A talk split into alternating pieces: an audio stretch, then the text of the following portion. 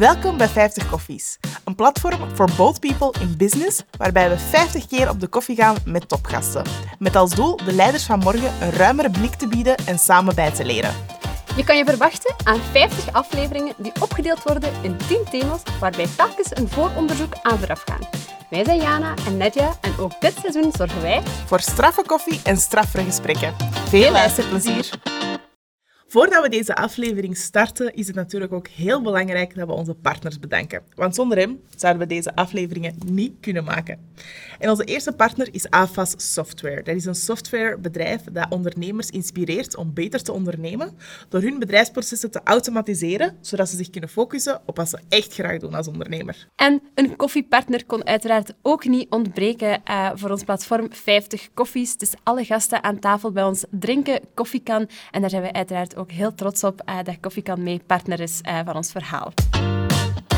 Jonas Malise is impactondernemer. Hij startte zijn carrière in de sales en marketing, maar botste tijdens een van zijn reizen op de applicatie Too Good To Go. De applicatie is van Deense origine en zorgt er eigenlijk voor dat horecazaken op het einde van de dag hun niet verkochte eten aan een lagere prijs online nog kunnen verkopen. Zo gaan ze eigenlijk rechtstreeks de voedselverspilling aan. En ze mogen best trots zijn, want einde, nee, nu, dit jaar, Ja, nu ongeveer. deze ongeveer maand. nu, Ja. haalden ze de kaap van 7,5 miljoen geredde maaltijden.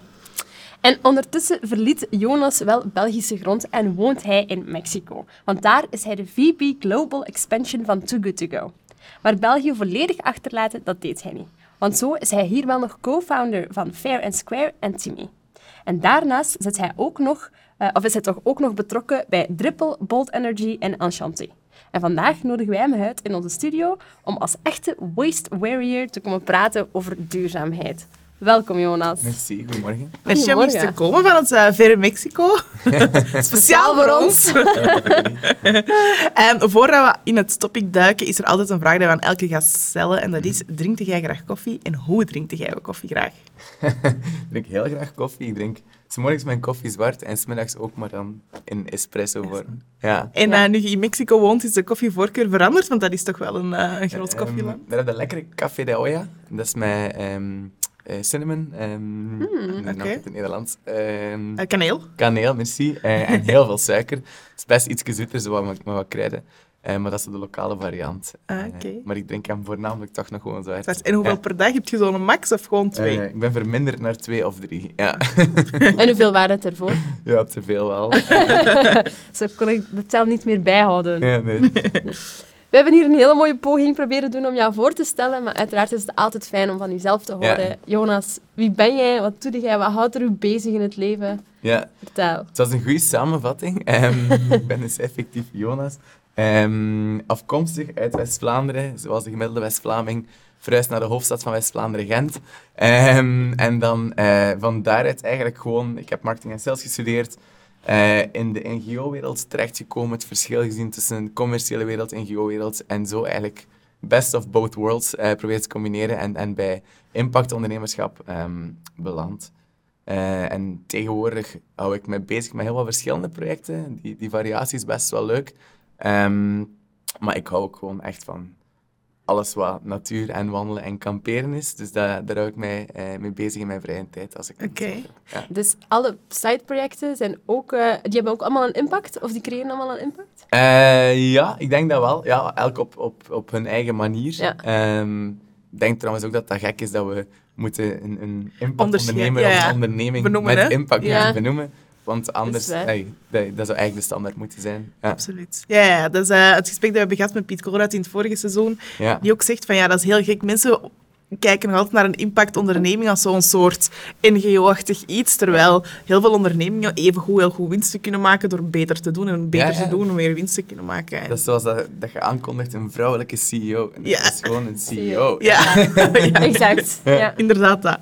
Ehm, nee, ehm, in de, de sideprojecten die je, die je doet, die vallen dan niet allemaal nog onder Too Good To Go. Zijn het dan nog Nee. andere die wij hier hebben opgenoemd? Of... Ja, ehm, ja de, heel veel zaken zijn gekomen door Too Good To Go. Ehm, helaas is, is alles wat dat impact ondernemen en in België nog een, een heel kleine wereld. En dus heel veel mensen die op hetzelfde moment of in dezelfde periode aan start waren, die, die ken ik ook. En zo ben ik bij, via Pieter Jan, die dan de CEO is van, van eh, Bolt, daarin verweven geraakt in een adviesraad. Hetzelfde bij Dripple. ehm, Eh, dus dus daar, daar werk ik niet operationeel. Dat is, dat is meer af en toe een telefoontje of, of een adviesraadje links en rechts. Eh, en dan Fair and Square was eigenlijk een, een eh, not-for-profit, zoals dat we dat dan noemen, ehm, die ik opgestart had voor ik Too Good To Go kende. Dat is nu helaas een, een veel te klein project. Ook met, met crisis heeft dat heel hard stilgelegen. Eh, en dan Timi is, is ehm, een project dat ik helpen opstarten heb, waar ik niet operationeel in meewerk, maar die op een bepaalde manier heel hard verweven zit, ook in het netwerk, omdat we met Timi impactondernemingen proberen te helpen opschalen. Ja. Ehm, dus het leuke is, al die projecten hangen samen, zitten elk in hun eigen wereld, in voeding, in energie, in, in geowereld of whatever. Ja. Maar die hebben wel één gemeenschappelijke factor en dat is eigenlijk impact maken. Ja. Dus dat is wel leuk. Ja. Oké, superboeiend. En als je nu eens kijkt naar de mensen rondom u, waarmee dat al die projecten start, Ja. ehm, eh, want dat is ook misschien wel iets waar wij een beetje op botsten bij ehm, de gasten te zoeken voor deze Ja. podcast. Zijn dat meestal zo dezelfde type mensen? Als in, zijn allemaal jonge mensen die dat eigenlijk er super hard aan willen meetrekken. We moeten de oudere generatie veel meer gaan overtuigen. Um, fonds binnenhalen of zo voor bepaalde projecten. Ja. te starten. Gaat moeilijker of gaat makkelijker? Wat is het- hoe ziet Ja. dat netwerk eruit in die wereld? ja, het is geen verrassing. Het is wel een jonger publiek, maar dat wil niet... Ik ken ook echt impactondernemers die al 35 jaar bezig zijn. Ja. Ehm, dus dat, dat, zijn dan, dat is dan niet de gemiddelde persoon, maar die zijn er zeker en vast ook wel. Ehm, ik denk wat die gemeenschappelijk is, die zijn super gepassioneerd door wat ze doen. En toevallig is de vorm van impact maken ondernemen. Ja. Eh, zij zeggen niet, ik wil ondernemer worden. Zij zeggen, ik wil iets veranderen. En als we dat dan willen doen, dan gaan we dat als ondernemer Mhm. doen, bijvoorbeeld. Ehm, en, en wat betreft ja, kapitaal ophalen of investeerders zoeken, je ziet een heel sterke shift. eh, waarbij dat impactondernemingen nu echt wel hot zijn. En, en Ja. Investeerders die zeggen, hey, wij committen om ons geld in groene dingen te investeren. Mhm. En dan plotseling beseffen ze dat er eigenlijk nog niet superveel zijn. Dus dan moeten ze eigenlijk gaan vechten voor hun plaatje ook. En dus wat je nu merkt, is dat heel veel impactondernemingen kunnen gaan kiezen tussen investeerders en kunnen zeggen van, weet je, komt jij maar een keer terug als je niet meer investeert in fossiele brandstoffen bijvoorbeeld. Ah. En dus die tendens, die dynamiek is een klein beetje aan het veranderen. En was het dan eh, vijf jaar geleden veel moeilijker? Of, of tien jaar geleden? Of spreek je dan over tien jaar geleden? Ja, ik, ik denk wel dat we echt heel hard eh, aan het transitioneren zijn. Ehm, tien jaar geleden was ik zelf nog niet aan het ondernemen. Ja. eh, zat ik zelf nog op de schoolbanken. Dus dat kan ik niet echt zeggen. Maar ik, ik moet wel zeggen dat ik sinds het begin van Too Good To Go, wat, wat een heel fijne, maar intense rollercoaster is geweest de laatste vijf jaar, heb ik wel heel veel zien veranderen. Ja. Ehm, dus ik denk niet dat het iets is wat traag gaat. Het gaat sneller en sneller. En, en gigabedrijven zoals in Patagonië, maar ook zoals in Oatly, Tony Chocolonely en, en ik hoop ook Too Good To Go, inspireren en, en tonen aan dat je perfect impact eh, kunt gaan koppelen aan een businessmodel. En je merkt dat Ja. de bedrijven die vroeger al greenwashing deden, nu ook echt wel snappen dat ze zaken moeten gaan ondernemen als ze willen consumenten aan boord houden de komende jaren. Ja, Ja, dat is Tony Chocolonely een heel mooi voorbeeld van. Hè. Die eh Ja. onlangs een campagne gelanceerd tegen... eh, wat is het? Is palmolie? Nee, ik weet het niet juist. Dat Ja, dat is- onder andere. dat Ze zeiden van, Ja. ehm, ehm, we weten dat we moeten veranderen. We are, want ik kreeg dan kritiek van, ja, maar jullie werken daar zelf mee. Dat is zo'n campagne Ja. gelanceerd van, eh we're een impact... ehm, allee, we zijn een impactonderneming die toevallig chocolade maakt. Versus, Ja, ja, ja. we zijn een chocoladebedrijf. Tuurlijk, en die maken ook alles wat ze doen. dat is dan hun fair chain, open chain. Die zeggen eigenlijk, dit is hoe wij het doen. En je mocht alles kopiëren van ons. En hier weten we hoe dat het moet. Dus eigenlijk, als je het niet doet, dan kies je er bewust voor om wel Ja. nog met kinderslavernij en- en dit. Ja. Dus, Eh. dus, dus, eh, het doet me ook opnieuw denken aan het gesprek met Piet Colruyt, die dat zei Ja. dat het mooie aan die impactondernemingen is, is dat eenmaal dat je eigenlijk een goed idee hebt, dat eigenlijk die mensen die ideeën blootleggen Ja. en dat mensen die allemaal mogen gaan kopiëren, omdat eigenlijk het doel van die mensen is zoveel mogelijk Is impact, impact creëren. maken. Een Ja, ja. impact Ja. maken. En die impact maken, die beseffen dat wel, dat je dat niet alleen moet doen, dat je dat met zoveel anderen moet doen en dat je dat samen moet gaan doen. Dus die, inderdaad, die gooien veel meer alles open en zeggen, kijk, dit is hoe dat wij het doen. Je kunt het gewoon kopiëren en hetzelfde doen op een andere plek. Go Ja. ahead. Ja, en dat is, Dat dat is is ook waar we het over hebben gehad. een supermooi verhaal daar. Is, is, ehm, eh, ik denk dat het Veja is, dat je het moet uitspreken. Veja, Vega. Verschillende namen van uitspreken, maar dat zijn sustainable sneakers. Eh, Ah, en ja, die ja, zijn eigenlijk gekopieerd door eh, mijn niet allerbeste vriend Primark. En, en Vega heeft dan eigenlijk gezegd aan Primark, kijk, je kon de grondstoffen kopiëren van ons. Je kon de manier van produceren gaan kopiëren, de manier van shipping, verpakking, price setting, de manier van communicatie. Alles mocht je kopiëren, behalve ons design, want dat is toch wat dat, wat dat Ja, uniek ja. is. En als enige kies jij om ons design te kopiëren en om dat op een niet-ethische, niet duurzame manier te gaan produceren, shippen, verpakken en verkopen. Je snapt het echt niet waar je mee bezig bent. Ehm, en het doel van Vega is inderdaad ook om, om, om dat open te gaan maken, net zoals heel veel andere bedrijven. En Ja. die noemen concurrenten veel vaker conculega's of collega's, want die zijn Ja. Samen, Same on a mission. mission. Ja, ja, Ja, wel. absoluut. Ja, want dat is het ding hè, met impactonderneming, als we dat in term toch door deze podcast gaan gebruiken. Mhm. Ja, het doel is eigenlijk om te stoppen met bestaan. Hè. Ja, ja, en dat is een beetje bizar. En, en wij krijgen ook vaak die kritiek. Ja, jullie businessmodel is gekoppeld aan jullie impactmodel. En Dat is, dat is volgens mij ook onze sterkte. Dat ziet in andere ehm, impactondernemingen ook. Dat wil per definitie zeggen, hoe meer dat er verspild zou worden, hoe meer dat wij kunnen verdienen. Ja. Dat is waar. dat is waar. Wat is er niet waar, is dat wij mensen helpen meten en dat we uiteindelijk gaan helpen met preventie. En wat is er ook nog niet waar, is dat eh, zelfs al zouden we alles opgelost hebben, dan zou dat één, fantastisch nieuws zijn. Tegen dan zijn we ook allemaal heel welgesteld en rijk, want dat gaat waarschijnlijk niet gebeuren in de komende 50 jaar. Ja. Want van alles wat voedselproductie is op vandaag, hè, dus, dus beeld in alle voedselproductie ter wereld, denk aan alle boeren, denk aan alle supermarkten, denk aan alle verwerkers, de Unilevers, de PepsiCo's van deze wereld. Heel die markt is 100%. 40% daarvan wordt verspild. Ja. En wie speelt in die markt van 40%? Ik ken er misschien drie of vier. Dus, dus tegen dat we heel dat probleem gaan tackelen, zijn we er eigenlijk zelfs nog niet. Nee. Ehm, Ja. En dat dat, is- is wel een want interessant gegeven. Daar hebben we dan ook weer een, ver- een verschil tussen voedselverlies en voedselverspilling. Ja, In die 40% dat verloren gaat. Zijn Ja. dat, die, dat zijn die twee samen? dat zijn die twee samen. Dus, dus verschil daar misschien? voedselverlies is eigenlijk al hetgeen wat verspild wordt voordat het bij een consument komt. Voedselverspilling is hetgeen wat bij een consument is gekomen en die dan verspild wordt. Dat is, Ja. dat is de definitie, dat is, dat is wat de Europese Unie hanteert. Wat zie je eigenlijk, hè, als we dan spreken ehm, from farm to fork, hè, dus alles van, van op het land tot op je bord. eh, wat je gaat zien is, afhankelijk van de landen, maar in de Europese Unie wordt meer dan 50, 52 procent, als ik me niet vergis zelfs, verspild door de consument. Dus dan kunnen we wijzen naar die een boer hè, met zijn hele grote berg rottende appeltjes. hè, Ja, van, ja. oh ja, jij smeerlap, jij zit niet verspild. Ja, dat is een beetje waar. Dan kunnen we gaan wijzen naar het transport, kunnen we gaan wijzen naar de supermarkten. Maar eigenlijk hebben al die schakels in die chain best wel een grote inspanningen gedaan, want voor hen is voedselverspilling ook gewoon geldverspilling. Ja, absoluut. En die zijn best wel slim genoeg om dat te optimaliseren. Die zijn ook wel, en dan spreek ik zeker over de, de early stages, die boeren zijn ook wel best trots en, en eh, heel voorzichtig met hun producten. Dus die gaan Ja, ja. alles eraan doen om zo weinig mogelijk te verspillen. Dus je zou kunnen zeggen, ja, de helft eh, wordt al verspild voordat het zelfs eh, bij ons terechtkomt. Dat is waar, maar 52% wordt wel verspild door de consument thuis. En dat is een heel modern probleem, want we hebben de oorlog niet meegemaakt. Althans, niet de Eerste en de Tweede Wereldoorlog. Wat er nu aan het gebeuren is, verschrikkelijk natuurlijk. Maar als je kijkt in, in Wereldoorlog 2 bijvoorbeeld, ja, dan was er echt wel geen sprake van voedselverspilling. Nee. Eh, we hebben allemaal wel die verhalen gehoord van, van grootouders die boterhammen met schimmel aan het opeten waren, of, of die enkel eh, aardappelen aan het blikken, eten ja. waren, of het blik in het Ja, beste ja. geval.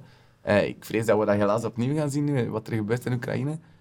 En dus voedselverspilling is een supermodern probleem. Want all of a sudden zijn we gaan leven in overvloed. Hè. Mm, Plotseling, begin jaren 80, eh, na, de, na de golden 60s en de 70s, kon het niet op. Maar vanaf dan hebben we toch die fastfood chains gezien met heel grote porties. Hebben we all-you-can-eat restaurants, eh, bottomless margaritas, noem het maar op. ja, ja. En, en plotseling, als je nu vandaag, bij wijze van spreken, naar de pizzeria of de pasta bar of de bakkerij om de hoek gaat, 10 minuten voor sluitingstijd, is het onmogelijk en onaanvaardbaar dat je niet nog keuze hebt uit 15 verschillende sausjes of 16 verschillende taartjes. Dus het is eigenlijk ook wel de consument die dan ook nog eens de verspilling gaat dwingen en, en afdwingen bij, bij, de, bij de vroegere schakels. Nu, dat, dat is geen verwijt naar consument. Ik ben er zelf in, ik ben ook schuldig.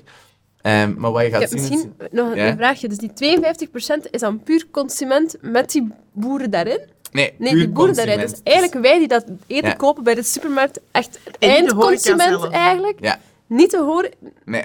echt wij als eindconsument. Wij als eindconsument. Volgens mij is er niet goed van. 52%! 52 procent. Ja, Ik wilde het Eh, even nog verduidelijken of dat ik het goed begrepen ja, had. dat is heel correct. En, en, en dat is ook veel logisch. Het grootste deel daarvan is brood en groente, fruit. Mhm. Hè? Ehm, Je koopt zes tomaten en ah ja, die 2,5 resterende tomaten in de frigo zijn eigenlijk wel een beetje zacht. Ik oh, ben, ik ben ik mega heb eigenlijk guilty. een nieuwe... Ja. Ik ben mega Ik ben guilty. mega Ja, guilty hier. Maar, maar iedereen. Ehm, en, en het goede probleem is, dat is een gigantisch probleem, maar dat is ook een gigantische opportuniteit. Hè. Voedselverspilling is, was de tweede beste en sinds dit jaar, de, sinds, dat is Project Drawdown, die gaan eigenlijk, dat is een, een wetenschapperspanel van, 21 wetenschap, van 121 wetenschappers van uit heel veel verschillende landen. Voedselverspilling is, is de beste oplossing tegen klimaatverspilling, eh, tegen klimaatopwarming. Eh, omdat je daar zit met transport, met verpakking, met productie. Eten heeft heel veel water nodig, heel veel energie om te groeien. Als we dan nadenken over een avocado die gekweekt wordt in Mexico, die dan in, op een vrachtwagen naar de haven gevoerd wordt, met een boot in het beste Mhm. geval naar hier komt om dan verpakt te worden naar distributiecenter, supermarkt, tot bij je thuis. Om dan En te dan- slecht worden. Oh, is precies toch wel zacht. En dan heb je de vuilnisbak. En als je bedenkt wat de energie is voor één zo- Ja, ja. voor één zo'n Ja. product, dat is gewoon Dat is onwaarschijnlijk gek. Maar ik vind het ook heel gek. ehm, maar dan, dan komt het echt in een groot maatschappelijk probleem, denk ik. Dat een heel vergroeid systeem is.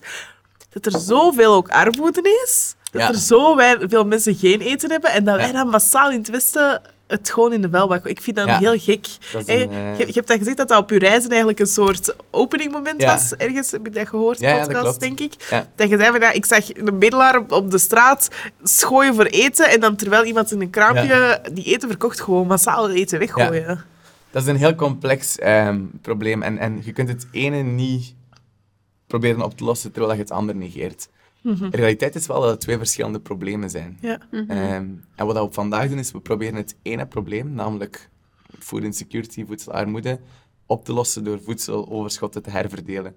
Dus dat wil zeggen dat we nooit voedselverspilling kunnen stoppen als we dat blijven nodig hebben om andere mensen te gaan voeden. Ja? Dat houdt zichzelf zo aan Ja. je- Ja. ja. Dus dan zou je heel brutaal kunnen zeggen, ja, dan stoppen we voedselverspilling en dan moeten zij maar iets anders zoeken. Ja, kan, op lange Ja, ja. termijn, maar we moeten wel een transitie hebben, want je wilt die mensen niet, niet uitsluiten en je wilt die constructies ook niet zomaar opblazen. En wat is het moeilijke daar, is dat mensen die in armoede leven, die leven in armoede omdat ze de middelen niet hebben. En mensen die geen eten hebben, die moeten geen voedseloverschotten geven. Die moeten niet zeggen van, ah, ik moet dat niet meer hebben, dus zit jij er maar op. Nee, want dat blijven ook gewoon mensen in... Dat blijven ook gewoon mensen. Met trots, ja. met, met trots, en dat voelt niet juist aan. On top of that, als je kijkt naar de voedselbanken, wat die doen, en, en, en heel veel andere organisaties zich inzetten tegen, tegen armoede, eh, en, en eh, voedseloverschotten gaan herverdelen, die kunnen ook maar een beperkt aantal zaken doen. Die kunnen niet hier bij de bakker om de hoek passeren met een vrachtwagen om de resterende twee croissants en, en nog een stokbrood op te halen. Logistiek gezien is dat niet haalbaar. Die kunnen ook niet fruit of, of eh, groenten die, die morgen of overmorgen eigenlijk niet meer eetbaar zijn, gaan eh, herverdelen. Dat is ook niet realistisch. Plus, die hebben eigenlijk ook geen voedseloverschotten nodig. Idealiter krijgen die geld dat die conservenblikken en eh Ja. processed food kunnen aankopen, die dan nog maanden goed zijn, om dan heel hun logistiek proces te gaan optimaliseren. Ehm, dus, dus als je wat voedselverspilling gaan oplossen, dan moet je eigenlijk proberen het los te koppelen van een ander probleem, of een slimmer manier te gaan vinden om dat te gaan in, in geld omzetten in plaats van dat in stand te houden. Maar het is absurd, want als we dan weer spreken over die, eh, over die 40% die verspild wordt, waarvan dat de helft dan bij de consument zit, als we maar een vierde van hetgeen wat we vandaag wereldwijd verspillen zouden kunnen vermijden en herbestemmen, dan is er voldoende voedsel voor iedereen ter wereld drie keer per dag. Amai. Dus we, we gooien vier keer zoveel weg als hetgeen wat dan nodig is om iedereen ter wereld te voeden. Dat is echt gek, hè? dat is absurd. gek. Dat is absurd. Ehm, en, dat- dat is natuurlijk iets complexer dan, dan dat het lijkt, want we kunnen zeggen, we stoppen er morgen mee. De reden waarom dat niet gebeurt, is omdat wij verspillen bijvoorbeeld best wel veel in Europa of in Noord-Amerika. En dan in landen waar er tekort is, is er zo goed als geen verspilling, al zeker niet bij de consument. Hè. Ja, want Ja, dat, ze daar wil ik even op, in, ja, op inpikken, want dat is een groot verschil. Hè. Dus in het, Ja. in het Westen is het Ja. voedselverspilling voornamelijk op consumentsniveau en in eh, meer zuidelijke landen is het voornamelijk Ja. in productieniveau. Ja. Hè. Hoe, komt, dat- Ja. hoe werkt dat? Hoe, wat, Ja. wat is dat dan? We zeggen nog altijd, Westen, realiteit is in, in, in, in de landen waar het heel snel aan het groeien is. Ik spreek ook over China, over de, de rijkere delen van een, een, een heel snel ontwikkelend India, India, Brazilië. ja, ja. Dus laat ons zeggen, de, de, waar er veel inkomensongelijkheid is, laat ons zeggen, bij de hogere verdieners zit de verspilling veel vaker op consumentenniveau, omdat we hey, technologiegewijs al verder staan, bij wijze van spreken. We zijn al iets efficiënter in het verpakken en het transporteren. Heel cliché, dom voorbeeld. Misschien ergens met een slechte weg zal er een vrachtwagen omkantelen die al niet zo modern is of niet zo goed gekoeld en de helft van een transport valt weg. Of de boer bijvoorbeeld in een, in een land die in ontwikkeling is, hij heeft nog niet dezelfde tools om even efficiënt te gaan oogsten. Dus die Ja. verspilling zit nog veel meer vroeger in de keten dan wat we zien in Europa bijvoorbeeld of vandaag. Ja. Oké, dus als er... Allee, we kunnen eigenlijk wel verwachten dat dat, dat gewoon volgt. Dat, dat dat een beetje zichzelf gaat oplossen, die verspilling. Of niet? Ja, en, wat je, komt. wel- wat- zelfs beter niet is, wat je ziet is heel vaak zit daar een soort van ehm, eh, technology leap of innovation Hmm. eh, die, die eigenlijk versneld gaat, want zij gaan niet van punt A naar B naar C. Zij zitten nu in A, wij zitten bij C, dus zij gaan van A naar C gaan, dus dat gaat wel goed komen.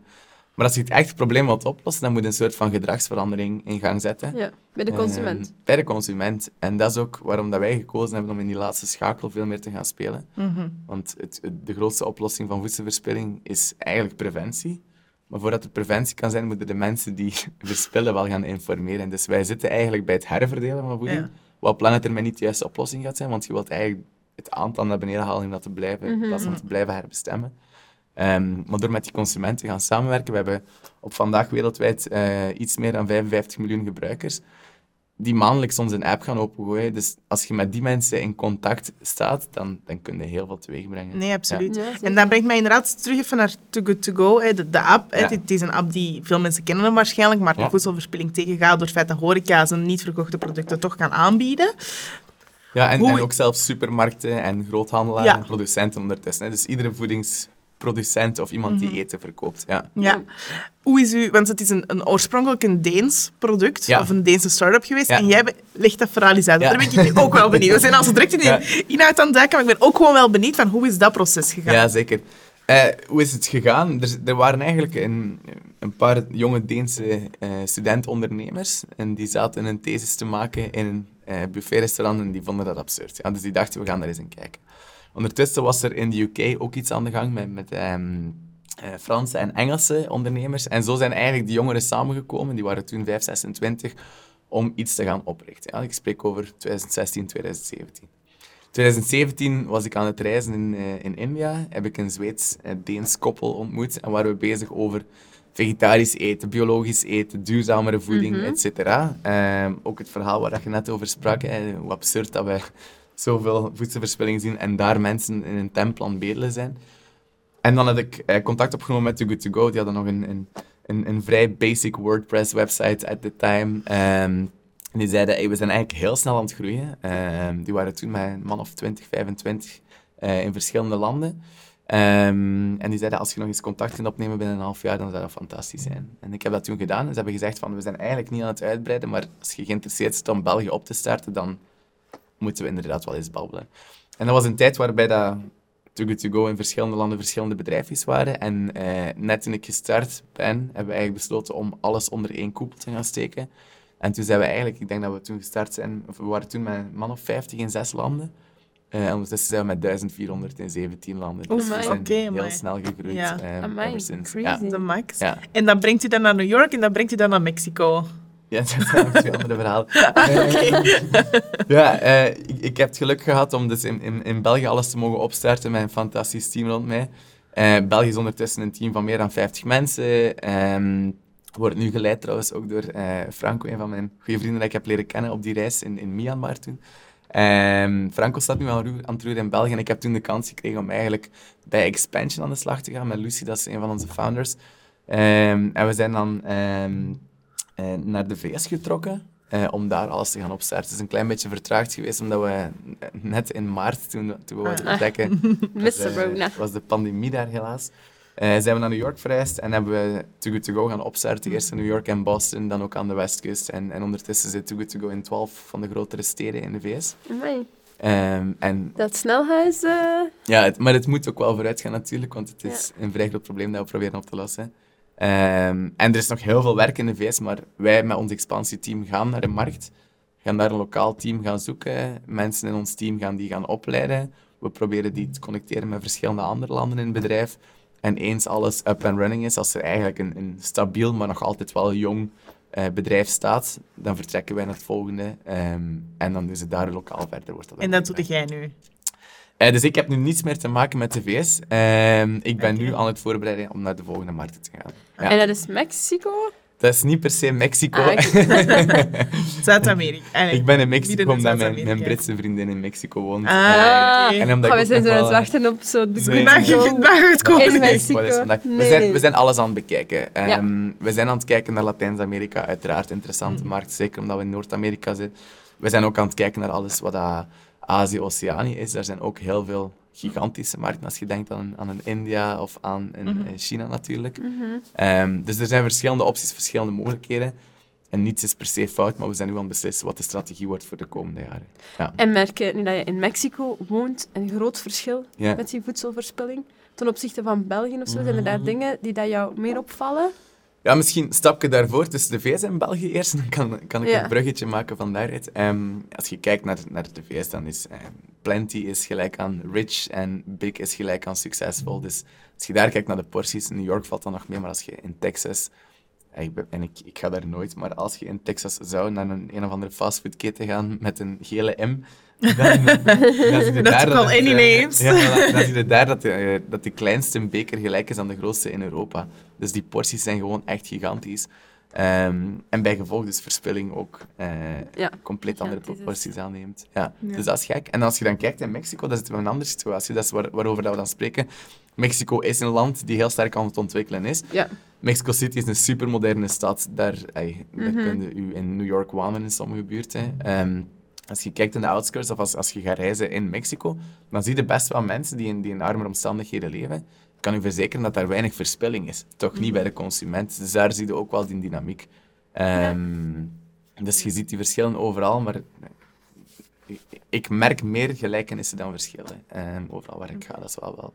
Want hey, met Too Good To Go, ehm, het voordeel daarvan is dat je heel dicht bij de consument staat, omdat je net op het einde van die waardeketen zit. Ja. Ehm, zijn er dingen die je van de consument geleerd hebt of gedrag dat je gezien hebt, dat je insights dat je ervan hebt onthouden, of dat je dacht van oké, we weten allemaal wel, eh, we hebben een truc, onze ijskast zit vol, want we willen keuze hebben, we, we komen maar drie keer per week thuis eten, want we gaan op last minute op restaurant, dus de rest gooien we weg. Ik denk Ja. dat dat wel een herkenbaar, kunnen we ons Zeker inbeelden. Zijn er andere dingen ook die, we, die je hebt geleerd van de consument? Ja, liefde gaat door de maag. Mensen kunnen heel makkelijk verbinden rond eten. Wat is je lievelingseten? Oh, of, of, eh, hey, dus dus dat, dat werkt wel. En, en, en dat is iets goed, want je kunt dat in, op, op een goede manier benaderen. Want voedselverspilling is een heel apolitiek thema. Of dat je nu, bij wijze van spreken, progressief links zit of heel extreem rechts of je Ja, er is liberaal. niemand dat zegt meer Ja, voedselverspilling. de ene zegt misschien dat ik wil minder verspillen omdat dat sociaal niet acceptabel is. De ander zegt voedselverspilling moet naar beneden, want dat is heel zwaar eh, als belasting op ons eh, klimaat, op, ons, eh, op onze planeet. De ander zegt van ja, dat is beter voor de economie of voor de lokale economie als we minder verspillen en dan Ja, kunnen ja. waarden het halen. Dus dat maakt niet echt uit. Dus, dus dat is een heel apolitiek thema en je kunt mensen wel best verenigen rond dat thema.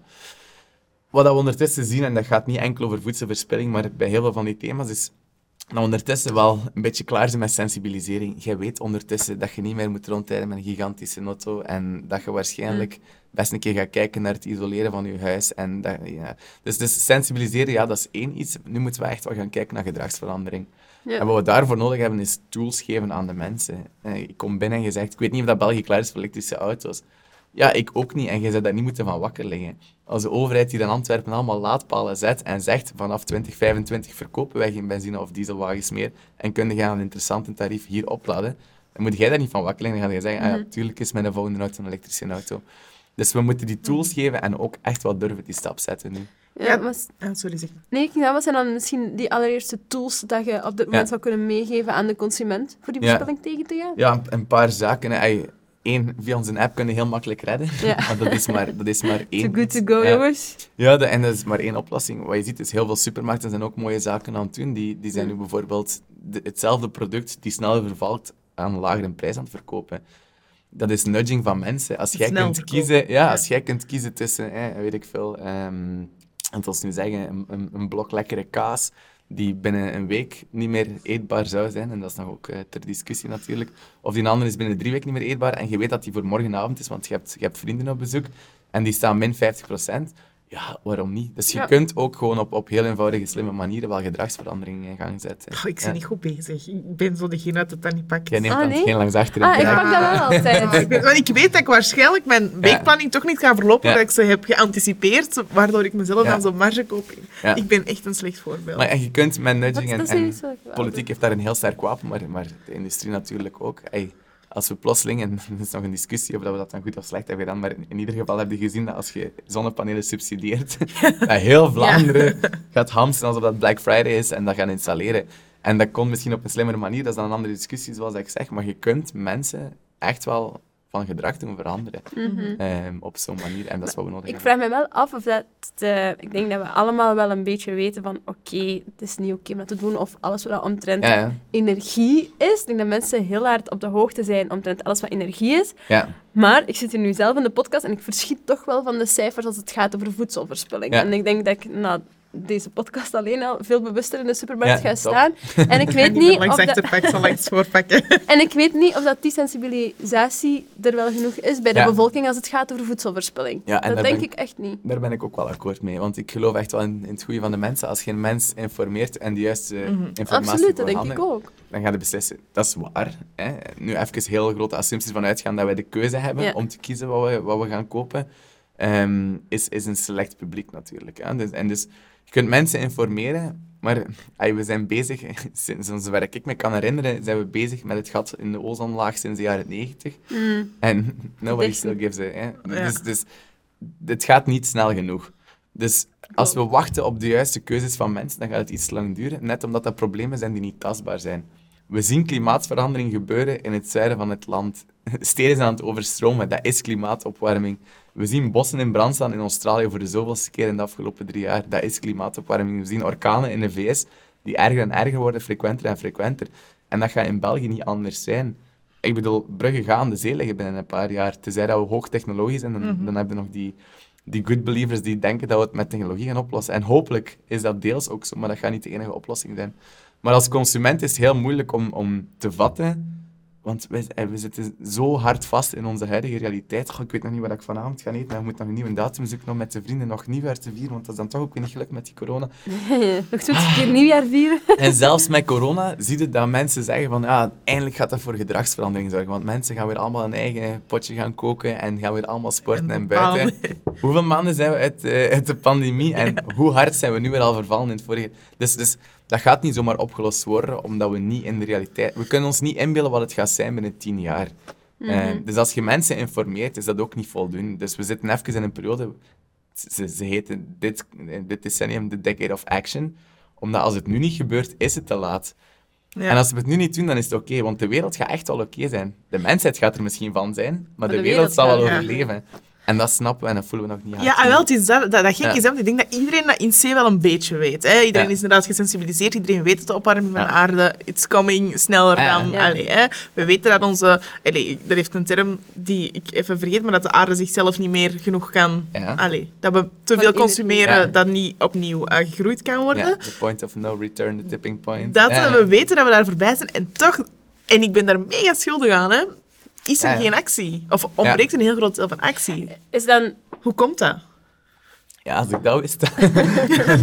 Ehm, het is ook allemaal niet super eenvoudig natuurlijk. En, en ey, we zitten met een oorlog aan de rand van onze Europese Ja. Unie. De energieprijzen schieten de lucht in. Ja. Eh, we zitten met een migratiecrisis.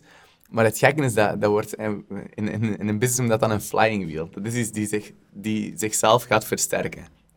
Mensen migreren, want hun land is niet meer vruchtbaar, omdat we daar industriële landbouw hebben op gepusht om bij ons in Europa goedkopere groenten te kunnen. Dus boer verdient geen geld. Wat doet boer? Boer wil voor familie zorgen, boer verhuist naar het buitenland.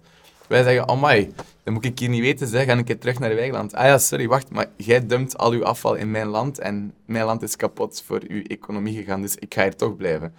Oké, goed, dus wat gebeurt? We gaan dat op grotere schaal gaan doen, we gaan dat anders gaan doen. Hè?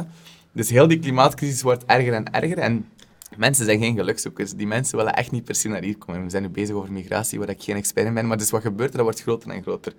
En dus de mensen die niet de grootste fan zijn van migratie, die zijn ook niet de grootste fan. Het is heel sterk gecorreleerd om, om klimaatopwarming tegen te gaan. Nu, wat is de mop wel? Hoe meer klimaatopwarming, hoe meer migratie.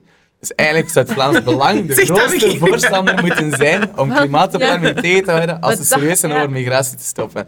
Maar dat zijn thema's die allemaal gelinkt zijn, Allemaal aan elkaar uiteraard. hangen, hè, ja. En, en dus je kunt die zaak niet loskoppelen. Dus als je mij zegt, ja, hoe komt dat? Ik, ik heb daar ook het antwoord niet op, ehm, helaas. En ik, dat is iets waar ik niet per se van wakker lig, ook wel, maar waar ik heel graag over lees, omdat dat net zo'n interessant, complex vraagstuk is.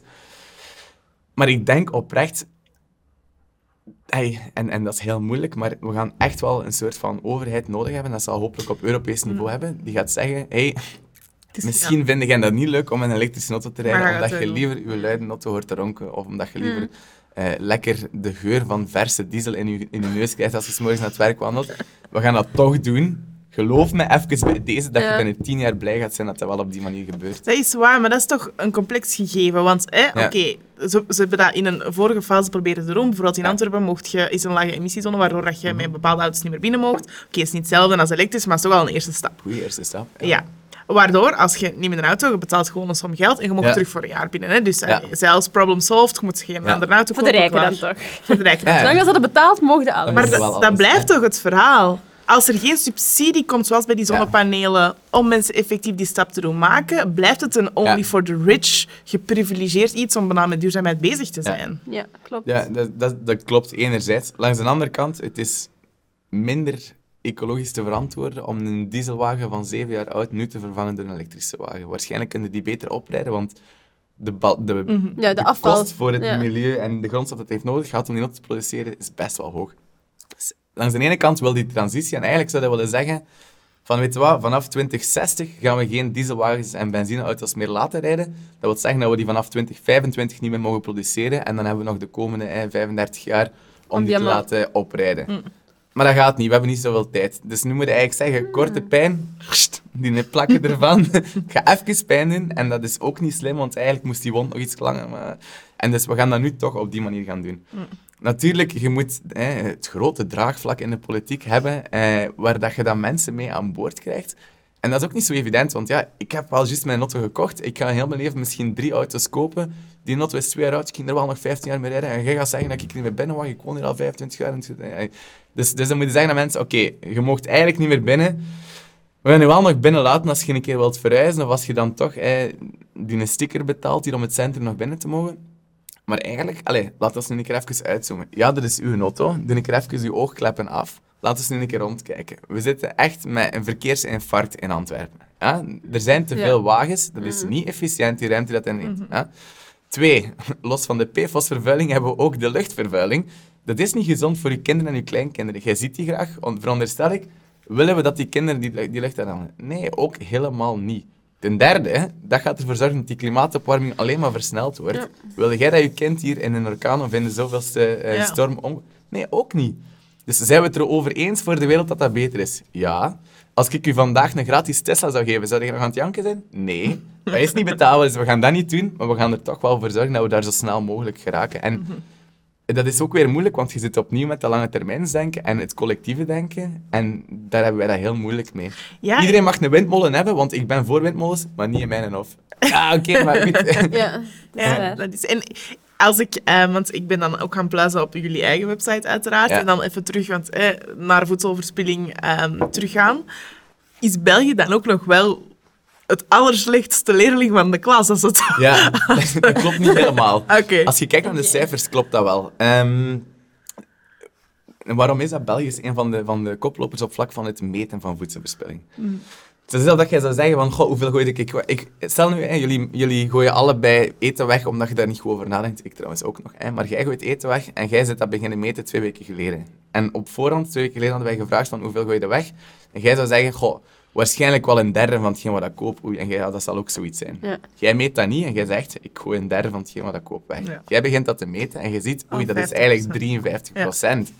En dat is waarom dat België nu hoger scoort. In vergelijking met heel veel buurlanden zijn wij dat in kaart aan het brengen. Hm. Wat supergoed nieuws is, want we hebben eigenlijk de ballen om stap 1 al te doen en om Dus in alles in kaart te brengen. Ja. En vanaf daar, doordat we het kunnen meten, kunnen we het ook weten en kunnen we Mhm. ook die preventie ehm, in gang zetten. Want nu weten we waar voedselverspilling zich bevindt, wie dat daar eh, eh, Ja. geïmpacteerd wordt en hoe dat we dat kunnen eh, oplossen. Dus België is eigenlijk wel best eh stappen Oké. aan het zetten. Ja. En als je dan zo nog eens...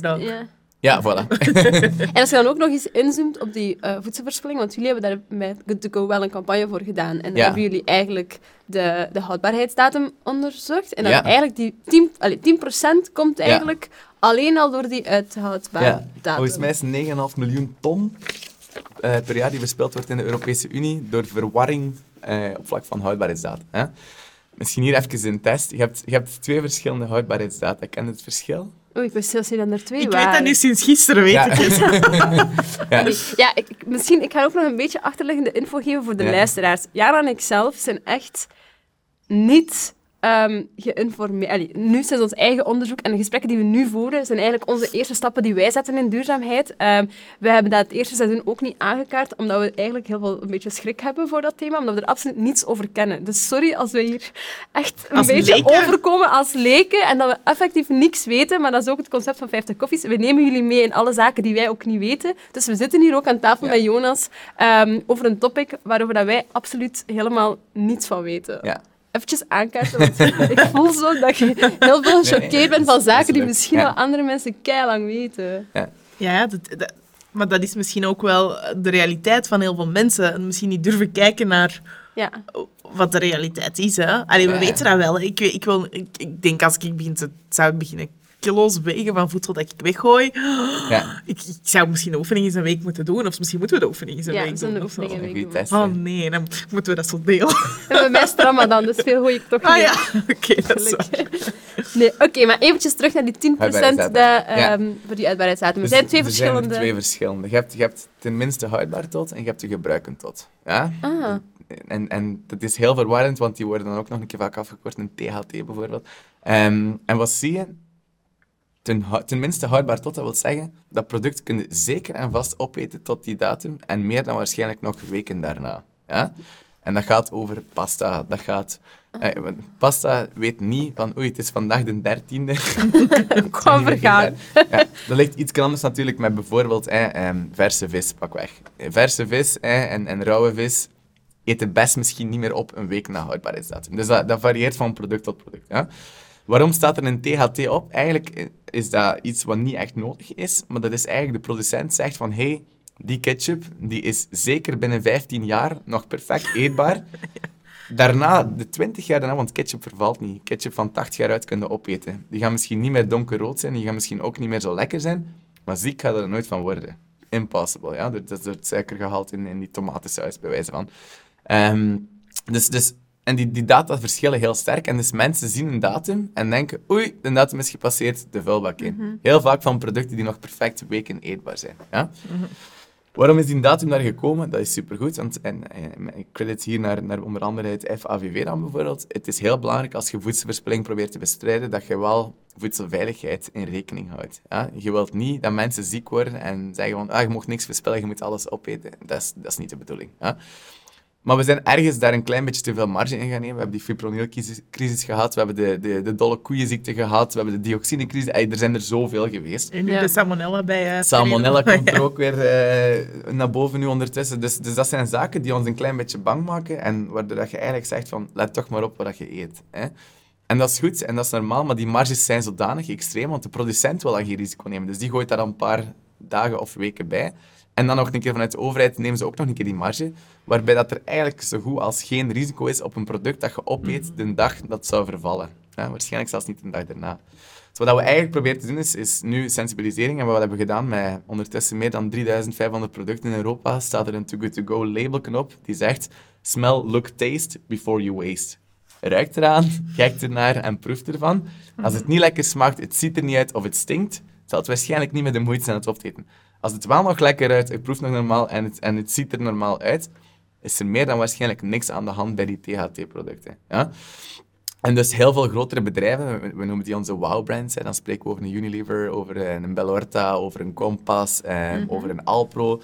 Eh, heel veel grotere merken zijn zich nu aan het engagen om daar zelf ook actiever eh, en, en slimmer over te gaan communiceren naar de consument. Als we daar 10% naar beneden kunnen krijgen, dan hebben we weer al een deel eh, naar beneden. Dus we proberen eigenlijk te gaan inspelen, ja, op de consument, maar ook op de industrie, ook op de politiek, ook met scholen aan de slag te gaan. Want als je gedragsverandering in gang wilt zetten, dan kun je het niet van op... Allez, kun je Nee, niet nee. van langs de ene kant benaderen. Want dat is dan toch wel zo. hè, Als je hè, over heel het gesprek nu, uiteraard, hè, jullie als, als impactonderneming draagt 100% jullie steentje bij aan, wat je kunt in, in Ja. de chain. Anderzijds heb je er toch wel heel veel instanties voor nodig om, om het effectief waar te maken. Ja. Hoe, wat, is dan ook de, lijn- wat is de lijn tussen ondernemen en dan politiek? En is daar Ja. nog een lijn? Ja, dat zou je ook kunnen vragen aan de goklobby natuurlijk. Hè. Die zitten meer politiek involved tegenwoordig dan, Ja. dan dat die bezig zijn met sport of zo.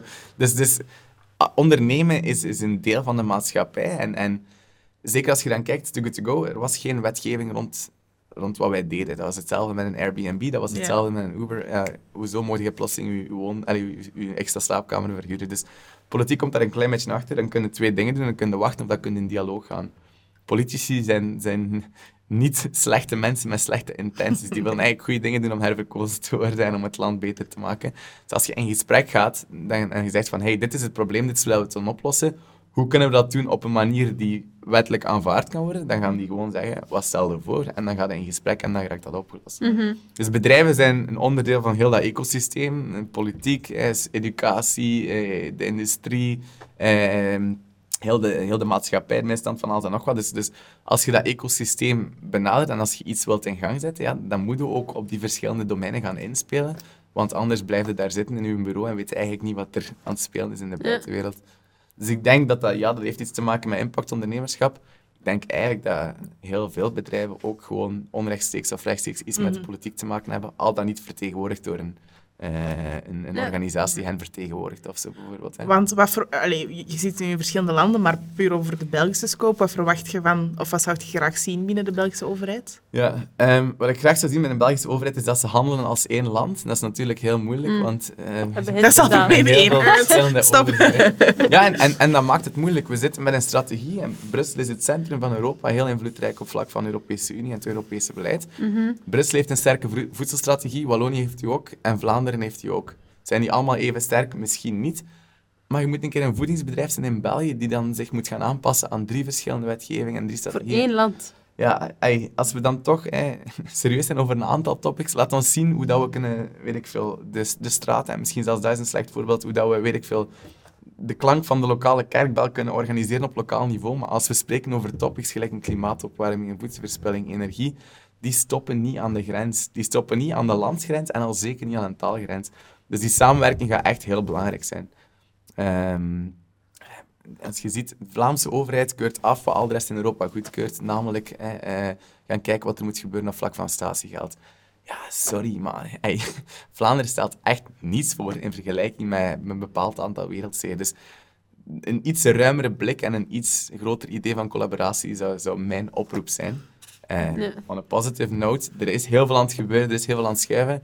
En ik snap ook dat politici die nu in die functie zitten, misschien niet diegenen zijn geweest die hebben beslist om in drie verschillende gewesten en, en, en overheden en provincies te gaan werken. Dus, dus die moeten ook maar iets proberen te veranderen in een bepaald systeem. Ehm, dus het is ook wel cool om te zien dat er echt wel stappen aan het gezet worden en, en dat die ook wel binnen het Sustainable Development Goals van, van de Europese Unie, van de eh, Verenigde Naties zelfs, dat Vlaanderen en in Brussel en in Wallonië daar ook echt wel stappen aan het zetten zijn om tegen 2025, tegen 2030 ook voedselverspilling te gaan eh, halveren. Dus dat is ook wel mooi om te zien, dat mag ook wel gezegd worden. Ja. En van ehm, de consument dan, hè, buiten de houdbaarheidsdatum, er anders mee Ja. omgaan of er niet zo rigide mee omgaan, Ja. wat zijn dingen die wij als consument beter zouden kunnen doen? Ja, ja ik, there again, preventie is, is... Voorkomen is altijd beter dan genezen. Dus, dus maak een boodschappenlijstje als je naar de winkel gaat. En ga niet net voordat je nog iets moet eten, want dan gaat het te veel kopen en gaat het te veel weggooien. Ehm, het is ook belangrijk wat dat je waar in de frigo steekt. Hè. Van boven of langs onder is kouder of warmer. Ehm, diepvries is uw beste vriend. Ja. Eh, brood kun je perfect invriezen. Een klein beetje sprankelijke water op en, en twee minuutjes in de oven en dat proeft perfect vers weer. Eh, hetzelfde met groenten, hetzelfde met fruit. Als je kruiden ehm, verhakselt en uw munt eh, of, of ehm, uw verse koriander is te veel, vriest die in met een beetje olijfolie in, eh, in uw ijsblokjes eh bakje en dan kun je dat gebruiken. Er zijn heel veel creatieve tips. Maar ik denk, als je echt impact wilt maken, probeer één te voorkomen. En twee, in plaats van zaken weg te gooien, denk aan het bewaren in een diepvriezer. Of geef het weg aan uw buurman, pak het Ja. mee naar uw werk. Als je op reis vertrekt, steekt alles in een doos, pak dat mee naar je werk en zegt hey, vers eten op tafel, ik vertrek vanavond naar, weet ik veel. Eh, Ja, dat is en waar. het niet weg. Ja. Je weet ook nooit wie dat het dan een beetje kan gebruiken ook. Zeker en vast. Zonder dat je dat Ja, moet weten van iemand. ja. Nee, kijk goed. We hebben het nu heel veel over eten gehad en over Ja. To Go. maar jij hebt eh, ook nog een paar andere zaken, want je bent een impactondernemer Ja. en je investeert ook in enkele bedrijven, waaronder ehm Timmy. En dat is een organisatie die dat studenten Ja. leert om impact te maken. Ja. Timi, dat is, dat is, Timi is een heel leuk verhaal. Ehm, wat doen we eigenlijk met Timi? We werken voor impactorganisaties, deels NGO's, deels eh, impactondernemingen. En we gaan eigenlijk voor die organisaties nieuwe klanten zoeken, bestaande klanten blij houden of gebruiken om slimmer te worden. En oude klanten terug heractiveren om Ja. opnieuw impact te helpen maken met dat bedrijf. Ja? Dat is eigenlijk een, een callcenter anno 2022, waarbij dat je niet allemaal voor een computer zit met schermen tussen, omdat je niet afgeleid zou worden. Ja, ja. Er zijn eigenlijk jonge studenten die heel vaak in discussies zitten, die met een koptelefoon aan het rondlopen zijn, terwijl dat er muziek op de achtergrond speelt in een of andere chille zetel. Ehm, maar het belangrijkste is dat zijn studenten die willen een studentenjob doen met impact en die eigenlijk willen bijleren hoe dat je tegenwoordig impact gaat verkopen. Want daarover gaat het uiteindelijk. Ja. Het is dat? De, de, eigenlijk de, de ja, sprekerservaring ehm aan studenten meegeven om Ja. een verhaal duidelijker te Ja. kunnen communiceren. Want impact is geen one-off. Ik kan u nu Nee. overtuigen en als je dan ontdekt dat ik alles wat ik zeg dat dat eigenlijk niet waar is, dan, dan ga je dat toch niet blijven doen. Ja. En dus wat dat wij zeggen is, het verschil tussen een goed idee en impact is schaal. Hè? Ik kan een fantastisch idee hebben en wij kunnen dat hier met ons drie doen voor de rest van een dag. Als niemand anders dat weet en niemand anders dat doet, dan gaat er eigenlijk ook niet echt iets veranderen. Dus wat is er belangrijk daar? Dat het geen sales wordt, maar dat het eigenlijk partnerships gaan worden. En partnerships bereikten met storytelling. En exact wat jullie daarnet ook zeggen, dat gaat over mensen informeren. Als ik jullie nu vertel wat, er, wat voed- voedselverspilling is, dan moet ik niet straks nog vragen, wil je alsjeblieft iets doen op vlak van voedselverspilling? Ik vertrouw erop dat je op zijn minst wel Ja. ergens iets gaat veranderen. ja? En wat we gaan doen voor die organisatie is eigenlijk vertellen, hey, dit is het probleem. Wij vinden dat heel erg. Vind jij dat ook heel erg? Ja. Dit is wat wij eraan doen. Wil jij dat ook doen? Ja. Oké. en dan, zeiden we, en dan gaan we niet vragen om contracten te ondertekenen met kleine letters en van alles en nog wat. It makes a lot of sense. En dan moet je daar iets meer tijd voor nemen. En dan moet je tijd nemen voor een echt gesprek. Dat is dan ook de leuze van Timi. En als je die tijd neemt, dan heb je mensen volledig aan boord. En dat zijn mensen die niet een paar maanden gaan blijven en dan morgen gaan veranderen. Dat zijn mensen die dan gewoon jaren aan boord zijn, omdat die mee onderdeel willen worden van heel die missie. Ja. Ehm, en daar is er verschil in. En je merkt echt dat de jongere generatie Ah, wel, wel, dat was mijn volgende vraag. Ja. reageert. Ja. Groot vers- ja.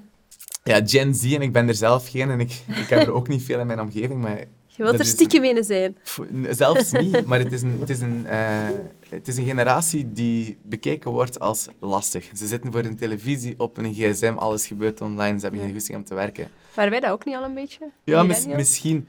Maar dat zijn heel foute assumpties. Dat zijn eigenlijk mensen die, naar mijn mening, inzien dat het huidige systeem waarin dat we werken gewoon Niet duurzaam is. Ja. En die hebben geen zin om zo'n bullshit job te doen, waarbij dat je verzekering gaat verkopen aan iemand die ze eigenlijk ook al niet nodig had. Met nu alle respect voor die sector. Ehm, die snappen ook dat werken van 9 to 5, in het beste geval vijf dagen per week, niet is wat we nodig hebben. Die snappen dat communicatie op die oude manier niet zo moet gebeuren. En die zijn eigenlijk best wel gigantische stappen aan het zetten op vlak van één, hoe, er- hoe dat er gecommuniceerd wordt, hoe dat het niet acceptabel is dat bepaalde bedrijven die al super lang weten dat ze negatieve impact hebben op bepaalde mensen of doelgroepen, dat gewoon zomaar kunnen blijven doen. Dus die worden beschouwd als activisten. Ja? En ergens worden onze generaties, die voelen zich dan bedreigd, want ja, die gaan nu een keer zeggen wat ik moet doen en eh, ze zouden beter gaan werken en eh, niet heel dagen op de gsm zitten en lezen. Nee, nee, wacht. Jij wilt je bedreigd door Greta Thunberg, omdat jij eigenlijk weet dat je al stiekem 25 jaar zaken fout aan het doen bent. Je moet nu niet gaan wijzen naar dat, naar dat meisje van 17 of 18 jaar ondertussen. Misschien moet je eerst een keer luisteren, kijken wat die te zeggen hebben. Ja, dan kunnen ze dat toch ook zeggen in plaats van altijd met de vinger te wijzen. Eh, wacht. ze zeggen dat, ze hebben dat eigenlijk al super lang gezegd. Je Ja. hebt daar niet op gereageerd, vandaar dat die nu met 80.000 iedere week op vrijdag op straat komen. Dus eh, we gaan ons daar proberen tegen te verzetten.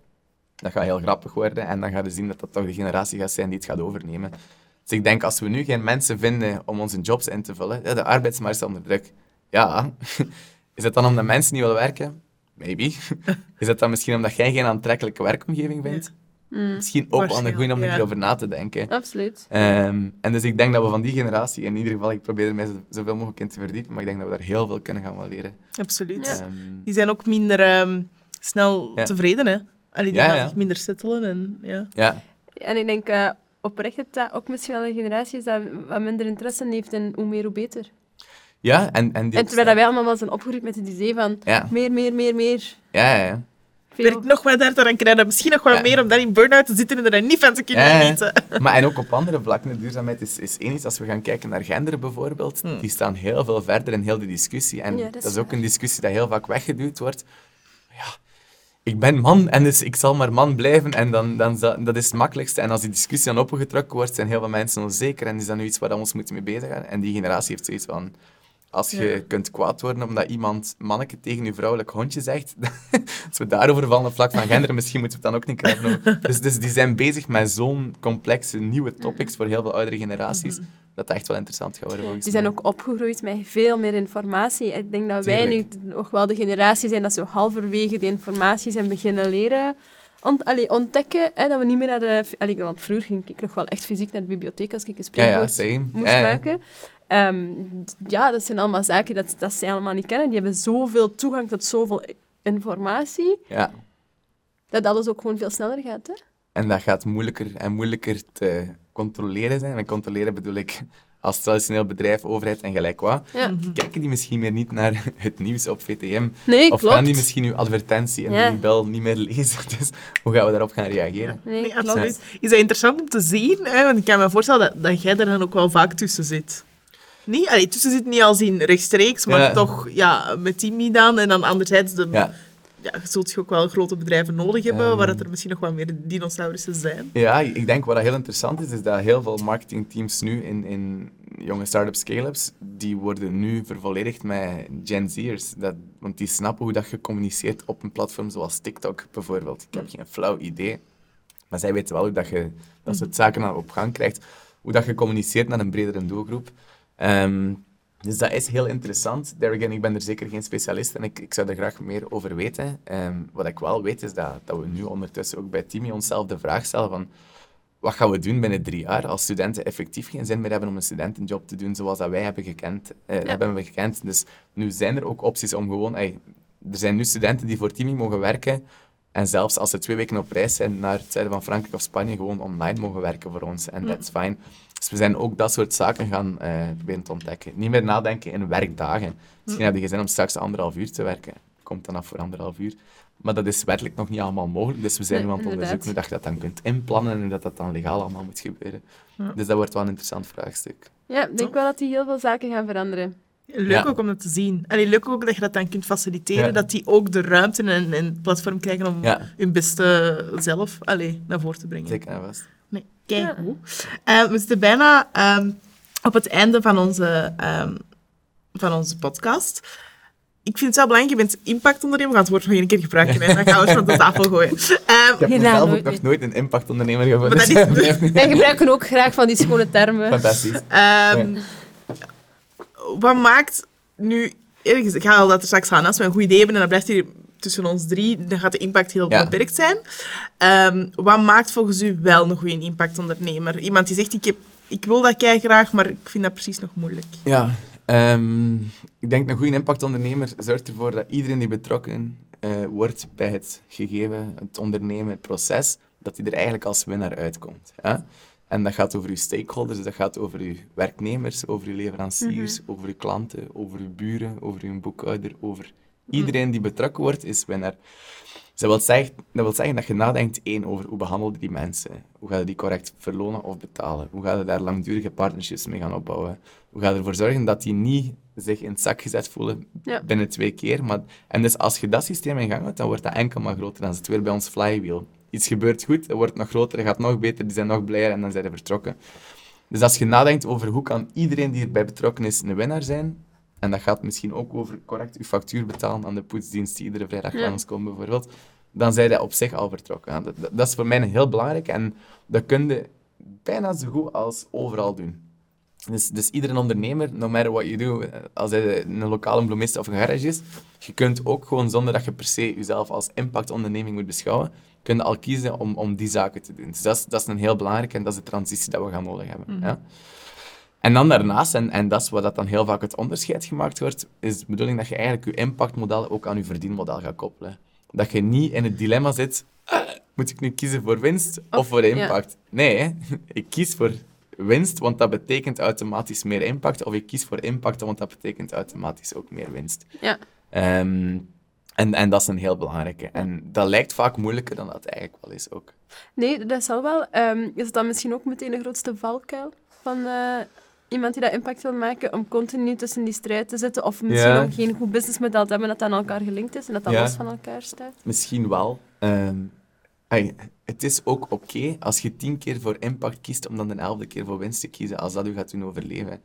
Eh. Wat we heel vaak aan het doen zijn, dat is, dat, is, dat is altijd een andere grappige discussie, dat is misschien voor de volgende keer, maar we zijn nu aan het inzoomen op die impactondernemers. En hey, pak dat die nu zelfs maar 85% van de tijd goed doen. Als die dan één keer iets misdoen... Ja. Ja, maar jij hebt wel plastic verpakking. Eh, ja, maar al mijn rest, concurrenten ja. die doen eigenlijk gewoon bijna niks juist.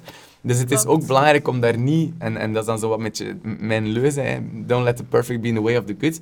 Je kunt niet wachten tot dat alles perfect zal zijn. Soms Nee. gaat wetgeving dat nog niet toelaten, soms is de technologie nog niet voorhanden.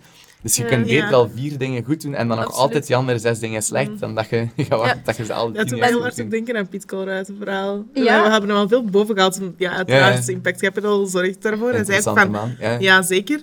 Eh, hij zei ook van, ja, dat is heel grappig, want eh, hij, hij sprak over een bedrijf dat... ehm, eh, Maandverband. maandverband en tampons aan eh derde wereldlanden Ja. ehm, voorzag. En dan kregen ze ehm, de feedback, ja, maar dat is niet duurzaam, je producten. Ja. Nee, oké, maar als ik vandaag voor het duurzame alternatief ga, dan kost me dat vier keer meer, waardoor Ja. ik veel minder mensen kan helpen. Dus het is ook soms keuze maken tussen Ja. welke impact je...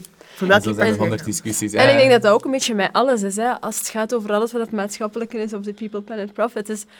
Je kunt niet verwachten dat iedereen 100% goed doet. Hè. Als iedereen al Ja. begint met 10 of 20% goed te doen, staan we ook al een heel pak Ja, ja. verder. En dat is inderdaad Ja. een, een, een balans. Of veel mensen worden er echt wel op, eh, ja, op afgekraakt, zeg maar. Ja. Van, oké, je bent niet 100% goed, dus dan ben je niet goed. Dat is met racisme, dat is met discriminatie, dat is met duurzaam Ja. is. positivity, dat is met duurzaamheid, dat is, dat is met alles. Je kunt En niet ieder verwachten... ondernemer moet ook zijn stappen zetten binnen zijn expertise. Ja. We moeten niet aan een bank gaan vragen om dan bijvoorbeeld compleet, eh, weet ik veel, klimaatneutraal hun kantoor te gaan. Ja, dat is één iets, maar dat heeft maar een minieme impact. Een bank is goed met investeren. Dus als die stoppen met investeren in fossiele brandstoffen, dan maakt me dat niet uit dat die nog plastic bekertjes hebben aan de koffiemachine. Ja. Want daar zit echt wel niet een impact. Dus als iedereen begint met zijn Wow. core business een klein beetje te herzien, dan zitten we echt wel heel ver. Ja. Ja. Mooi. Nee, ik denk dat dat, eh, ik denk dat dat iets is waar mensen echt wel mee aan, aan de slag kunnen. Heb je zelf al ooit tussen die keuze gestaan? Tussen Eh, impact en winst? Of tussen van... Ongetwijfeld. Ik weet nu geen voorbeeld per se, maar on- ongetwijfeld Ja. zal dat wel al zo geweest zijn. Ehm, ik denk, in C bij Too Good To Go is, is het niet mogelijk, omdat ons businessmodel gekoppeld is, ons, aan, ons impactmodel gekoppeld is aan ons businessmodel, dus dat is niet mogelijk. Maar soms is het zo, ja, oei, we staan super last minute op een beurs.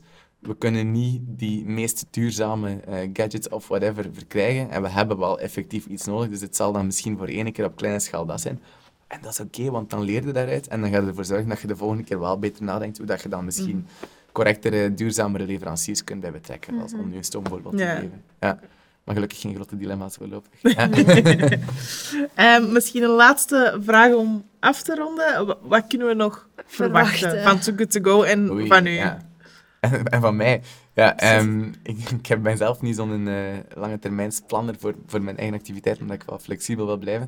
Ik denk wat we kunnen verwachten van Too Good To Go. Eén, ik hoop dat dat een standaard wordt. Dat als mensen iets open doen in de voeding, als ze een winkel open doen, dat ze net zoals dat ze nadenken over oei, ik heb een bankcontacttoestel nodig, ik heb Too Good To Go nodig en ik heb stoelen nodig in mijn zaak. Dat dat een standaard wordt, zou fantastisch zijn natuurlijk. En daar streven we naar. Ik denk wat we kunnen verwachten van Too Good To Go is dat we naast wat we nu doen met consumenten en met, en met winkeliers, dat we echt wel heel hard gaan inzetten op producenten van voeding. Eh, dat we willen kijken wat we kunnen doen met de politiek, met scholen. En dat we echt wel willen gaan inspelen op die andere domeinen. Ja. Ehm, en we proberen heel snel te gaan, maar er is heel veel Dat te is doen. duidelijk. Dus we moeten soms ook wel kiezen wat we eerst gaan voornemen. Ja. Oké. En nog uh, zotte plannen voor jou buiten uh, zo, allee, binnen een week terugkeren Ja. naar Mexico Ja. en naar uh, het Goh. leven verder zetten? Ik geniet ongelooflijk hard eh, en ik heb eh, het geluk dat ik met heel veel interessante, inspirerende mensen op de koffie kan gaan. Eh, dus ik verdiep mij meer en meer in gelijkaardige topics en ik probeer ze ook de links te leggen tussen hoe zat dan ook alweer die politiek en dat energievraagstuk. En, en oei, we zitten met een war on talent. Hè. Heeft dat dan te maken met Generation Z? Heeft dat dan te maken dat we niet divers of inclusief aan het hiren zijn? Dus hoe hangen al die topics samen? Samen.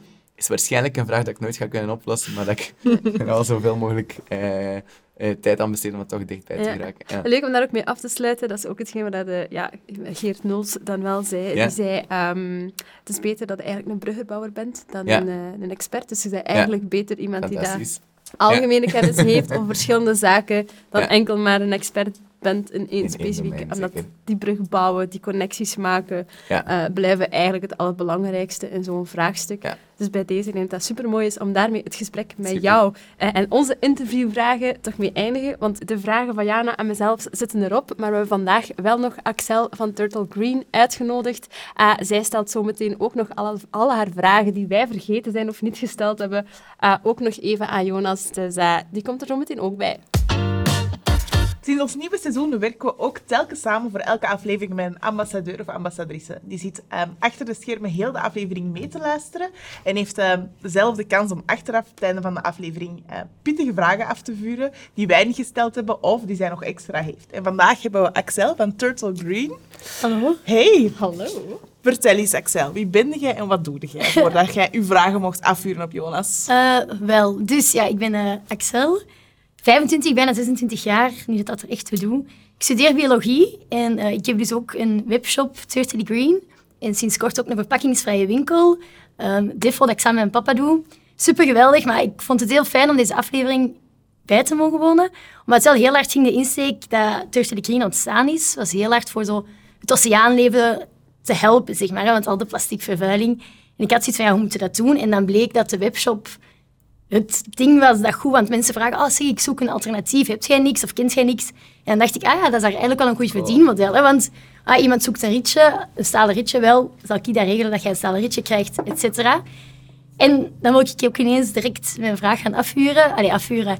Ehm, dat is wel vaak als kritiek van, ah ja, maar zeg, jij wilt hè, je, je, je ja, inzetten voor iets goed te doen, maar je maakt al winst op de kap van ons dan dat Ja. daar... Hè, en dan nee, want dan zeg je ja, maar nee, want je, je hebt schildpadden en we hebben dit en we hebben dat. Maar bij jullie, hè, ik heb ook al gehoord zo de sticker, want jullie verdienmodel dan, maar je hebt Ja. zo die sticker dat gaat van hè, proeft eerst, ruikt eerst, voordat Ja. je proeft. En dan die preventies en zo campagnes dat jullie opzetten, maar is er nog iets waar dat je echt zo heel trots over bent, dat je denkt van ja, met eigenlijk ons verdienmodel doen we wel meer als dat. En Ja. Ja, er zijn heel veel zaken en het leuke is inderdaad, doordat we geld verdienen, kunnen we dat ook uitgeven aan projecten die geen geld binnenbrengen, maar die wel impact genereren. Langs de andere kant wil ik ook wel connotatie maken. Er is niets verkeerd met geld verdienen. er is iets fout als het geld dat je verdient niet in lijn is met wat dat iemand die bijvoorbeeld in je marketingteam werkt verdient. Dus als je, en, en vroeger was het zo, hè, het maakte niet uit hoe dat je geld verdiende als je het maar spendeerde aan goede ehm, dingen. Hè. Dus je mocht miljardair worden op kap van onderbetaalde mensen in China. Als je dan hè, 5000 euro per jaar geeft aan de lokale eh, jeugdbeweging, toffe P. Hè? Terwijl nu zijn we aan het kijken van, oké, hoe heb je geld verdiend? En als jij je geld verdient door ondertussen ook impact te maken, jij bent niet de enige die er geld aan verdient, maar je leveranciers die worden correct betaald, je medewerkers die worden correct betaald, en je behandelt iedereen goed. Als je dan nog altijd miljonair wordt, hey, chapeau, goed gedaan, en wees maar een voorbeeld voor iedereen anders, denk ik dan. Dus daar is, daar is niets fout mee, volgens mij. Ehm, en het is ook gek dat mensen altijd iemand die dan impact probeert te maken gaan bekritiseren. Ja. Terwijl dat iemand anders die eigenlijk slechte dingen doet en die dan miljardair wordt, aanzien wordt als een succesvolle zakenman of zakenvrouw. Dus dat is altijd absurd. Ehm, maar dus ik vind het inderdaad leuk als je geld verdient, dat je dat kunt deels of volledig of whatever you like, kunt gaan investeren en gaan gebruiken om een andere, eh andere project te helpen opstarten of, of impact te gaan creëren op, op zaken waar dat er normaal gezien geen centen daarvoor zijn. Ja. ja. Oké, super. Ja, iemand herkennen, hè, want inderdaad, zo dat Ja. bekritiseren. En, want ja, je hebt daar al op ingegaan, maar je moet het eigenlijk gewoon doen. Maar heb je misschien ook wel, dat klinkt misschien stom, maar zo'n tip. Want ik ben echt wel heel vaak dat ik zoiets heb van, weet je, laat het dan. Als het dan toch dat en dat dan Ja. niet goed is, ja, heb je zoiets Ja. van, nou, geef mij toch elke keer weer zo die... Eh, ja, ik denk wel, als je frictie veroorzaakt, is het omdat je iets aan het veranderen bent. En als je iets wilt veranderen, dan komt die frictie daar dus bij gevolg bij. En ik denk dat je dat gewoon moet accepteren. Ehm, en ik stel me altijd de vraag in vergelijking met wat. Ja, je doet wel dit. Ja, in vergelijking met wie? Wil je mij vergelijken met een NGO? Dan zal ik dat misschien nog net iets minder impactvol of kleiner gaan doen. Misschien zelfs niet. Hè. Of wilde mij dan nu vergelijken met die plastic winkel? Want dat kunnen we ook doen. En Ja. dan vinden dat misschien plotseling wel oké. Ehm, dus ik denk, ik zou zeggen, laat u vooral niet te veel afleiden en innerveren door gefrustreerde mensen die er zelf niets aan veranderen. Eh, en, en vraag die ook altijd van, ah oké, je hebt duidelijk een beter idee verteld, dan zal ik Ja. mij aanpassen. Ah, toch niet? Ah wel, totdat je een beter idee hebt, zal ik misschien toch wel dat blijven verder Ik doen. vind dat heel, heel grappig. Ehm, Dat ligt zo in lijn met wat, wat er denk ik een half jaar geleden, een paar maanden geleden, met Elon Musk is gebeurd, is heel veel kritiek gekomen als de top, ik weet niet, 3% of de top 1% zelfs, verdient eigenlijk genoeg om heel de armoede op te lossen. Ja. En dan heeft Elon Musk gezegd, school, leg mij uit, ik zal het betalen. Ja, ja, ja. Ja. hoe gaan we het dan doen? Zeg het dan. Ja. En dan is het ineens, oh. Ja, nu pas op. Dat is nog een helemaal andere discussie natuurlijk. Eh, dus ik vind ook dat, dat, dat er wel iets correcter mag eh, belast worden. hè. Het is absurd als iemand triljonair is. Hè. Ehm, dat kun je nooit opdoen in de, in de komende twintig generaties. Dus misschien moet daar wel ergens een klein beetje een herverdeling gebeuren. Maar dat is dan weer een andere discussie natuurlijk. Maar het is makkelijk om iets te bekritiseren zonder dat er een beter idee op tafel komt. Eh, en dan komen we terug op, don't let the perfect be in the way of the good. Je kunt beter maar starten met iets en dat zal dan misschien achteraf niet perfect blijken, maar dan heb je toch alweer iets verbeterd naar de volgende fase. En misschien door die learnings geraakt je dan weer in de volgende fase. Eh, zonnepanelen waren vroeger niet efficiënt. Binnenkort draait heel de wereld, of de helft van de wereld, op zonnepanelen. En dat is net omdat we dat geprobeerd hebben, dat we daar gefaald hebben, en beter en beter en beter. Het is, ja, ik ga die quote onthouden, dat gaat gezegd. Ja, plak Ja. hem op uw, Ja. Ik was beginnen op te schrijven, maar dan was ik Ja. zo mee aan het luisteren. Dus dat is wat dat regelen nog wel. Eh, ik had ook nog wel de vragen van, eh, je sprak heel veel, jullie hebben heel veel gegevens nu hè, door die app en, inzichten. In hoeverre, want hè, zoals jullie al besproken hebben, voedselverspilling is ook een sociaal aspect. Ja. Hebben jullie zicht Good To Go, de gebruikers, dat dat ook echt een herverdeling is in het sociale aspect? Of zijn echt zo eerder van, oh, chill, ik heb nog niks, ik ga eens kijken op Too Good To Go? ja. Daar ben ik wel heel benieuwd naar. Ja, we hebben, en dat is nu dat is een dubbel antwoord. We hebben helaas nog niet heel veel gegevens over gebruikers. We hebben gelukkig ook nog niet heel veel gegevens over gebruikers. We zijn een Ja. B Corp en dat wil zeggen dat we ethisch proberen te ondernemen en dat we daar ieder jaar ons beter best voor gaan, gaan doen. Dat wil zeggen dat we enkel gaan tracken wat we nodig hebben. We gaan niet uw app tracken of uw gsm tracken. Zelfs al buiten Europa, waar dat, dat wel mag zonder die privacywetgeving, gaan we dat eigenlijk niet doen als we dat niet nodig hebben. Ja? Dus we willen niet alles weten, omdat dat niet in lijn ligt met onze normen en onze waarden. Wat zien we wel? Hè? Dat, dat mensen, dus, dus we werken met bepaalde cohorts. Hè? De- Wat wil dat zeggen? We gaan gaan kijken wie zijn de gebruikers in regio Antwerpen die voor de eerste keer iets gekocht hebben tussen februari 2018 en april 2018. En wat is die hun gedrag in vergelijking met iemand uit Sint-Niklaas die voor de eerste keer gekocht heeft? Dus we gaan dat wel gaan vergelijken en gaan bekijken. Wat je merkt is, is één, dat we nog niet genoeg weten, dus dat we daar dieper moeten gaan op ingaan, door andere enquêtes, onderzoeken en gelijk wat. Maar wat je merkt is dat, dat het verrassend is. Heel veel mensen denken, ah, die dat zal voor de studenten zijn, dat is goedkoop en dat is gemakkelijk. Dat is helemaal niet onze eerste doelgroep. De grootste gebruikers zijn jonge afgestudeerde mensen die nog geen kinderen hebben, veel flexibiliteit, die in een startersjob zitten en nog niet per se veel verdienen. Maar even groot is de groep van ouders waarvan de kinderen het huis uit zijn. Want die zijn plotseling alleen of maar met twee meer. En die hebben plotseling tijd en die zijn dan toch ook bezig met die app en die gsm dat de kinderen over verteld hebben. Zijn dan, dus, dus je merkt eigenlijk, en, en dan, dan komen we terug op het thema, het is heel apolitiek en het is ook over, over leeftijdsgrenzen heen. Eh, want het gaat over voedsel. En whatever the motivation is, als je dan voedseloverschotten gaat redden omdat je het zelf niet heel breed hebt, om of dat je dat leuk vindt om nieuwe plekjes te leren kennen, of omdat je dat belangrijk vindt, of omdat je dat gewoon misschien leuk vindt in, in, in general, dat maakt niet super veel uit. Dus we zien eigenlijk heel zotte patronen die anders zijn dan onze collega's van food delivery apps bijvoorbeeld. Ja. Oké, ja. Is dat een beetje een antwoord op Ja, ja, wel, Ja? exact. Dus Ja. daar was ik mee aan het vragen. Super, want inderdaad, het leefde ook zo wel, ja... Ik ben dan ook nog student. Ja. En dan leeft dat bij ons inderdaad al heel hard van, oh ja, ja geld besparen. Ja, ja. Maar het is zoveel meer als dat, hè. Dus dat is wel heel eh, fijn, want dat wil ik ook nog vragen. Dat is heel, heel praktisch. Ja? Maar ik was er gisteren toch zo nog eens extra gaan kijken op de app. En je kunt al sowieso selecteren op vegan en vegetarisch, wat super belangrijk ook is voor heel Ja. veel mensen. Meer mensen engageren zich daartoe. Ja. Gaat er binnenkort ook zo... Want er stond al van, neemt je eigen potje mee. Ja. Gaan er bijvoorbeeld ook zo ehm, filters aan komen voor biologisch? Of van, hier is het al sowieso zero waste, van dat je echt zeker weet van... Ja. Je gaat het zonder afval halen, of... Ja, en, en, en halal en kosher en zoveel andere filters zouden kunnen gaan doen. Ehm, we willen dat doen. Dat is een klein beetje een trade-off op vandaag. We willen het zo eenvoudig mogelijk maken en houden, ook voor winkeliers. Hè. Een bakker die 's morgens om twee uur opstaat om te bakken en dan tot vijf, zes, zeven uur een winkel openhoudt, om dan nog eens alles volgens super strakke regels te gaan kuisen, dingen te gaan Ja. bijbestellen in boekhouding, iedereen nog levend en blij te houden. Het laatste wat hij eigenlijk nodig heeft, is nog een keer too good to go en nog een keer dit en dat. Dus als we dat zo simpel en zo licht mogelijk maken, wat we altijd zeggen is, is even makkelijk om het via too good to go nog te herbestemmen dan het weg te gooien. En daar willen we ook wel trouw aan blijven. het andere extreem zou kunnen zijn dat we zeggen aan die bakker, wil je van ieder product een foto trekken, daar een prijs bij hangen, gaan ingeven of dat, dat veganistisch, vegetarisch, halal, kosher, eh, biologisch, en er zijn er waarschijnlijk nog dat ik vergeet, dan maken we dat weer al een pak moeilijker en dan gaan we opnieuw die impact gaan verlagen. Dus we willen een, een soort van gezonde balans vinden, waarbij dat we zeggen, dit is vegetarisch, eh, oké, en dan kunnen we zeggen, oké, dit is vegetarisch, want het zijn groenten. En dan moeten we daar eigenlijk niet over nadenken, dan kunnen we automatisch gaan instellen dat ze daar geen rekening moeten mee houden.